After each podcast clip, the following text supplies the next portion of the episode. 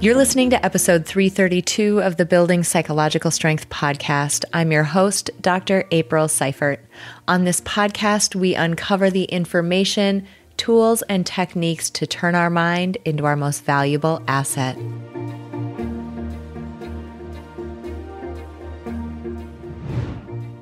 Friends, welcome back to the podcast. I'm so happy you're here. We are diving into a topic that I find fascinating. I find completely fascinating. And it's probably not surprising because I spend a lot of my time talking. I do the podcast, I do public speaking, I teach a lot for a lot of my work. It's not surprising that I find communication very interesting to think about. Now, before we dive into this episode, I want to give you some scenarios and tell me if any of these sound familiar. Have you ever been talking to someone and you felt like they just weren't understanding what you were saying? Or maybe you you know you're in a relationship with someone. It could be a romantic relationship. It could be a friendship or even just a professional relationship with a coworker or your boss. And you're looking at this person and you can't believe they never ask you for your thoughts or maybe it's the flip side. You're looking at them and you're thinking, oh my gosh, I have to pry information out of you. And let's do one more.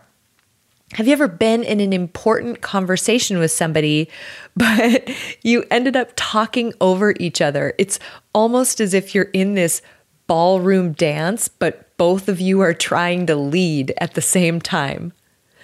It turns out that understanding your communication style and understanding the communication style of other important people in your life, it can help you communicate so much more effectively and effortlessly. And that is what we're talking about today in this episode.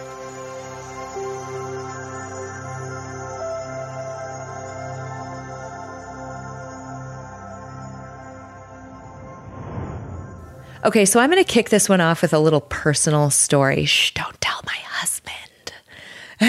my husband is an ER physician and just think about that job for a second. His his job, it's full of stories that are more interesting than you can possibly imagine. I mean, some of the craziest things. And also, there's a lot of emotion involved in his job. I mean, if you think about who comes to him, people come to him in some of the worst possible health circumstances, and things don't always turn out well for his patients. Now, way back when, this is quite a while ago, but after we had been dating a while, at the beginning of our relationship, he came home from work one day and, you know, we spent some time just chatting and talking about our day. Or at least that's what it felt like to me. And afterward, after this conversation, he seemed really genuinely hurt. And after talking about it, it turns out he was feeling like I never asked him how his day went or asked him really any questions about his day. Now, I will admit, my initial response in that situation, it was not very empathetic. I didn't do a very good job. I responded by saying, "Well, you don't ask me either. You don't have to ask me. I just tell you."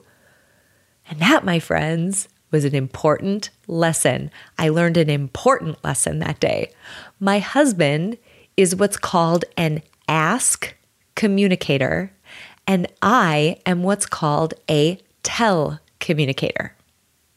So, with that little story, little personal anecdote, let's back up a little bit. Over 30 years ago, there are two researchers, David Merrill and Roger Reid. They developed a model called the social style model of communication.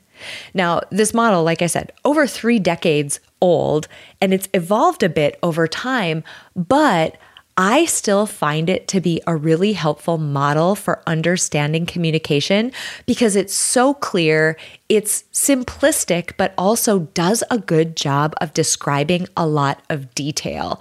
So I love this model and I want to talk about it in a bit of detail today. In this model, there are two different dimensions. So think of them as think of like a chart, right? And there's an x axis dimension and there's a y axis dimension. And when you plot them, it divides people into four different boxes or four different social styles of communication. And if you know what your style is and you know the style of other important people in your life, pause for a second and think who those people are. It's likely the people in your immediate family or even your extended family if you interact with them quite a bit. It's your good friends, it's your coworkers and your boss. It's those important people who it's important to you that you effectively and clearly and empathetically communicate with them those groups of people, if you know what their style of communication is, oh my gosh, can this improve the quality of your conversations? So let's talk about these two dimensions. What are they? The first dimension is something called assertiveness. It is a dimension that is basically plotting the degree to which people see us as you know volunteering information do we just tell people what we're thinking? So those are that's the tell side. Or do people have to ask us? So people on the ask side of the continuum, they seem more reserved in conversations. They maybe seem like they hold back or they're less likely to volunteer information. They might ask more questions of you they might be a bit more indirect and they may engage in the conversation by building off of what others say rather than like laying the foundation or bringing up a topic themselves.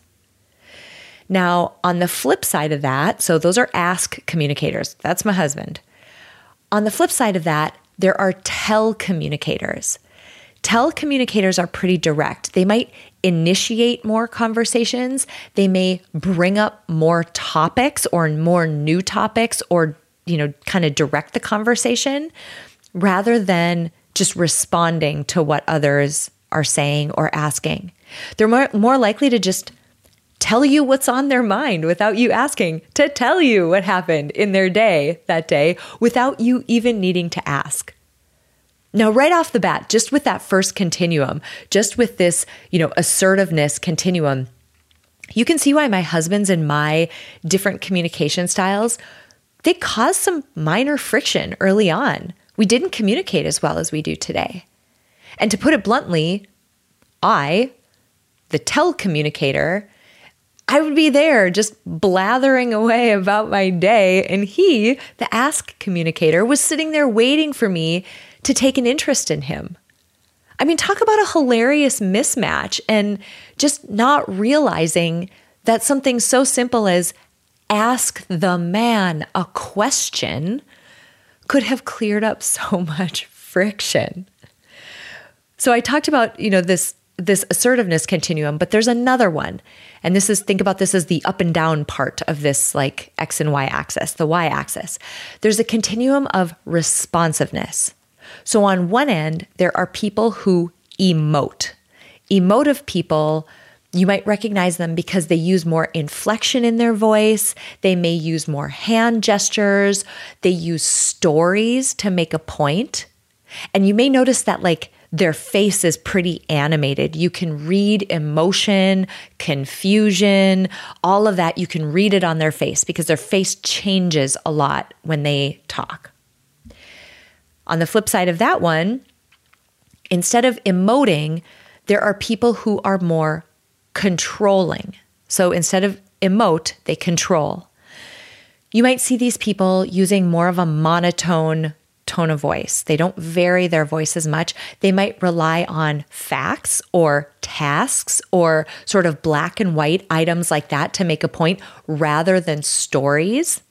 Um, they probably gesture less with their hands, and their faces likely don't reveal what they're thinking or feeling in the moment.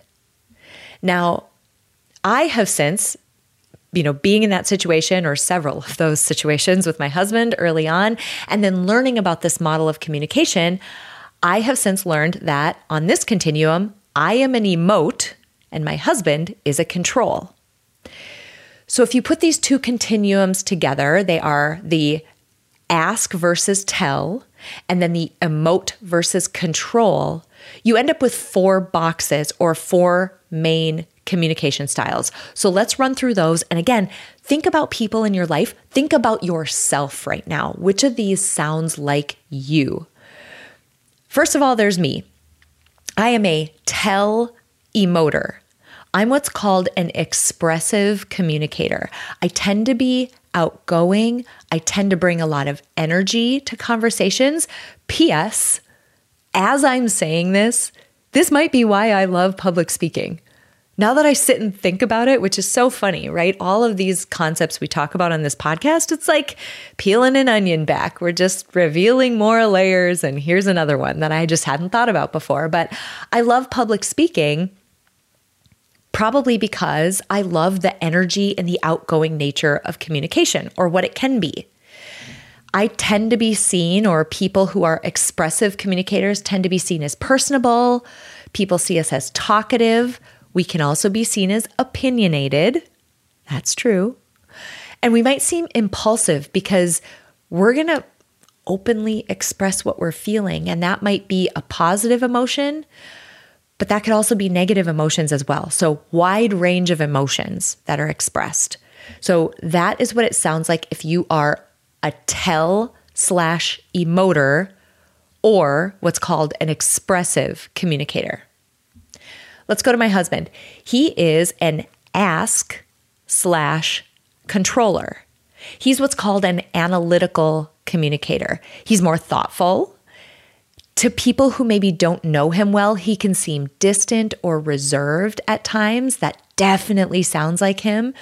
Sometimes he might even seem standoffish if he's in a situation where maybe he doesn't know you really well. He's also a lot less likely to outwardly express his emotion. And as I was digging into some research and content to put this this session or this episode together, I just busted out laughing because my jokes sometimes with him, you know, since we've dug into this together and understood what it means for our relationships, he'll come home and he literally will have the same face that he has when he's completely calm. He'll just look normal and calm. And then his voice will come out in this monotone voice and he'll say, Wow, I'm really fired up about this situation right now. like the calmest way. I can't even tell you what my face would look like and what my voice might sound like, but he's just steady Eddie and his face looks just calm like it normally does. Anyway, so I just had to share that because that's literally how he sounds sometimes. He is an ask slash controller, he is an analytical communicator to the T. Let's go through the other two. Somebody who is an ask slash emoter.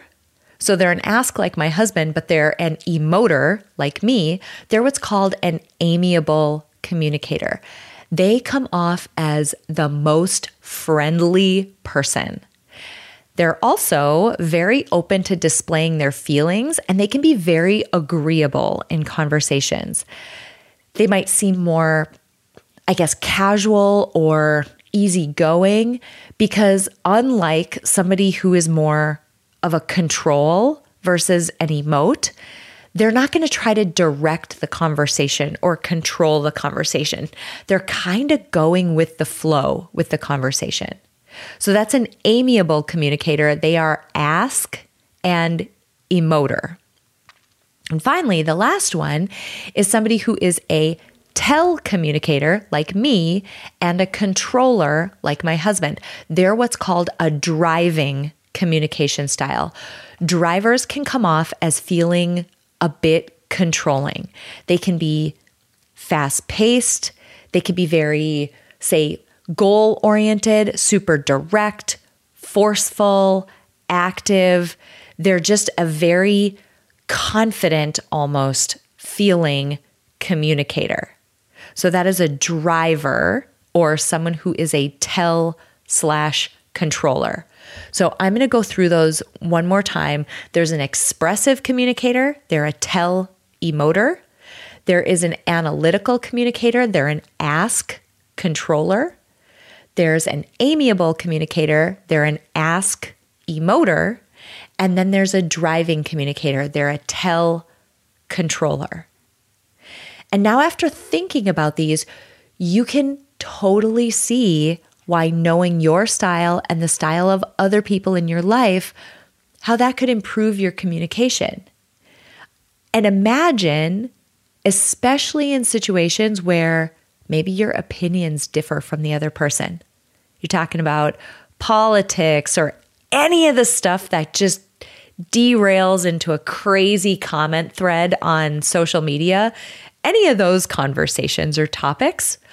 Or, you know, maybe when emotions are involved, right? Somebody's feeling angry or sad or jealous or even just really happy, right? Like the high, not even high arousal emotive emotions, just when there are emotions involved. And finally, if you have to communicate a tough message, I'm looking at you right now, leaders of people.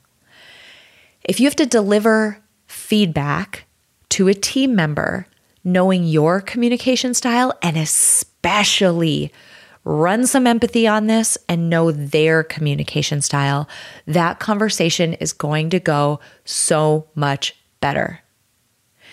Think about it. I want you to think about some of the most difficult conversations you've had to have in your life. Think back. If you would have known this then, would you have approached them differently? If you would have known this, would you have thought about the conversation a little bit differently before entering into it?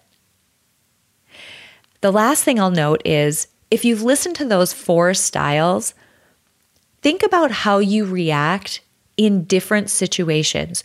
Your communication style in a scenario like a work setting might be different than your communication style in a personal relationship setting. It may vary with different people in your life. You might be able to be more direct, more, or even feel, say, psychologically safe to be an emoter more so with certain people versus others. So, Spend some time, talked about onions, peeling the layers back. Spend some time thinking about yourself, observe your own behaviors, observe others around you, and start to notice these four communication styles and get good at picking up on them. Now, up next, I want to leave you with some actionable tips. We're going to talk about some tips for communicating more effectively with people who are in each of the four different communication styles. And then right at the end, I'm going to give you a couple of other resources that you can turn to if communication is something that you're working on right now. So stay with me. I have some good stuff coming up.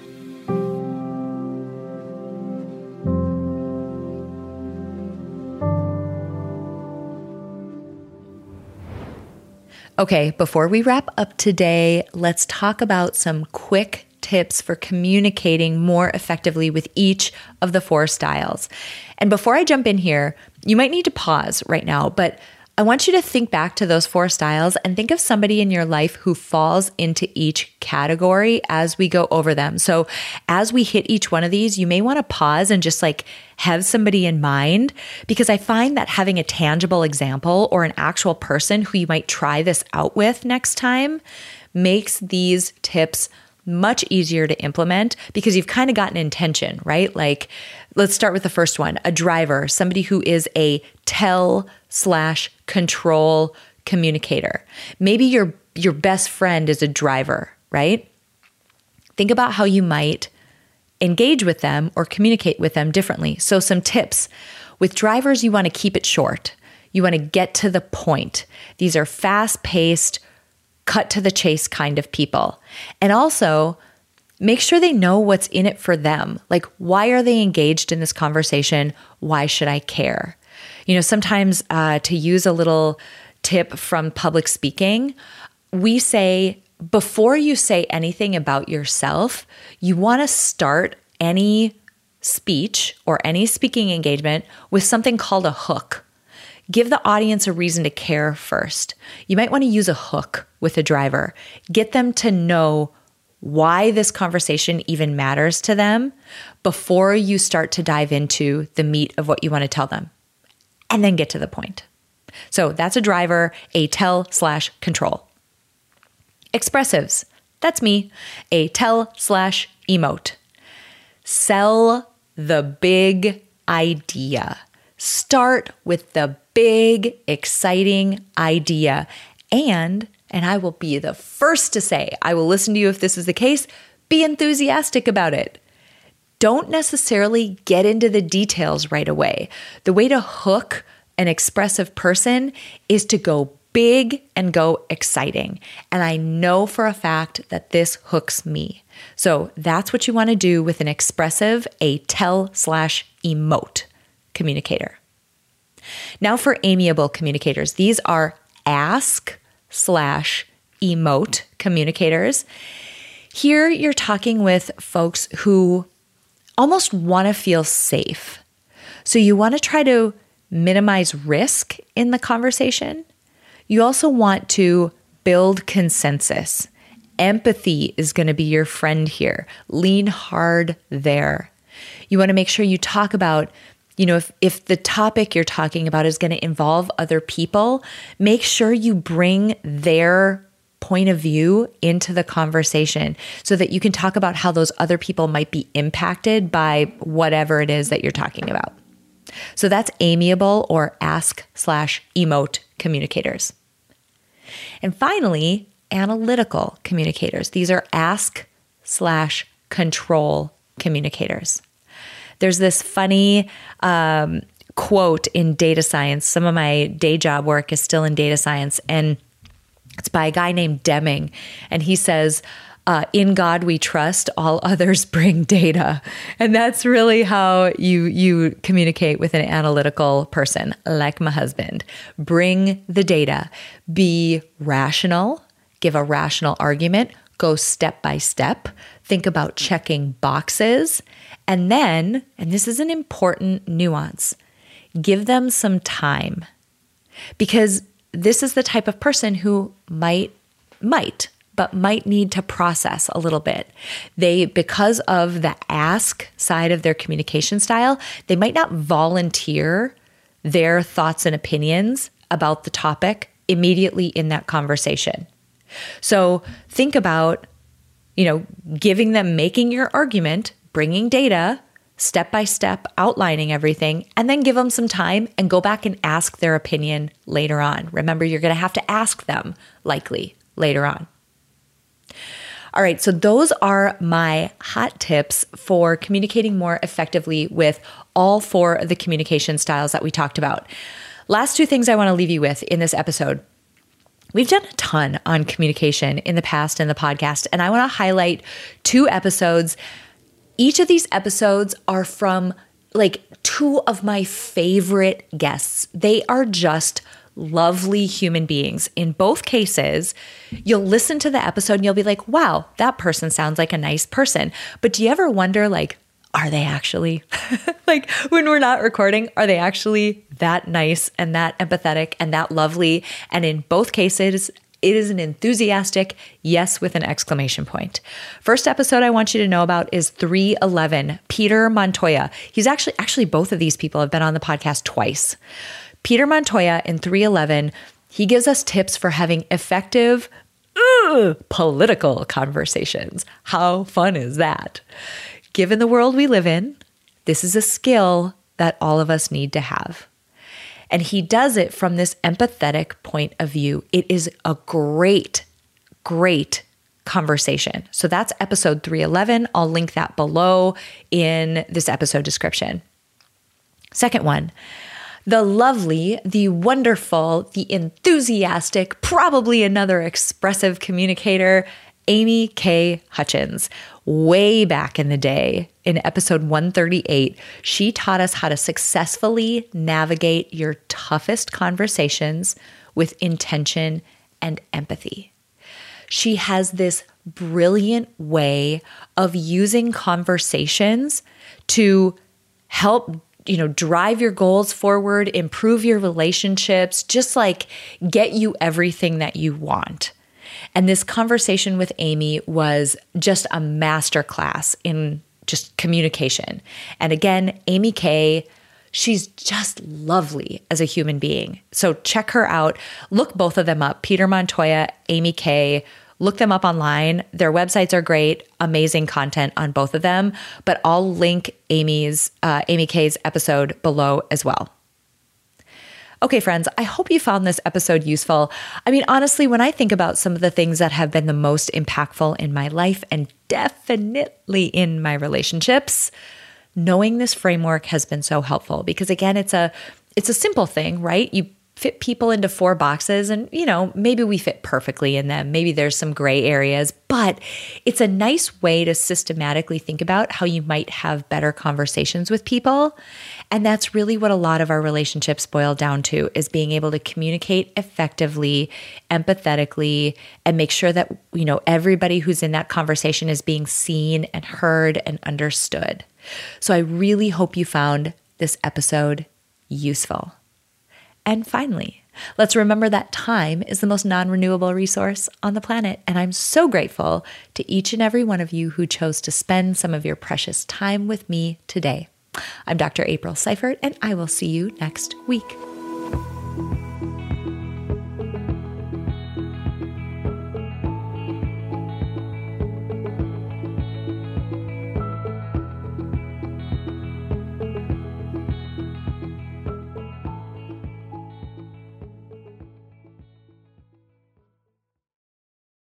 At Parker, our purpose is simple. We want to make the world a better place by working more efficiently, by using more sustainable practices, by developing better technologies. We keep moving forward. With each new idea, innovation, and partnership, we're one step closer to fulfilling our purpose every single day. To find out more, visit parker.com/purpose. Parker, engineering your success.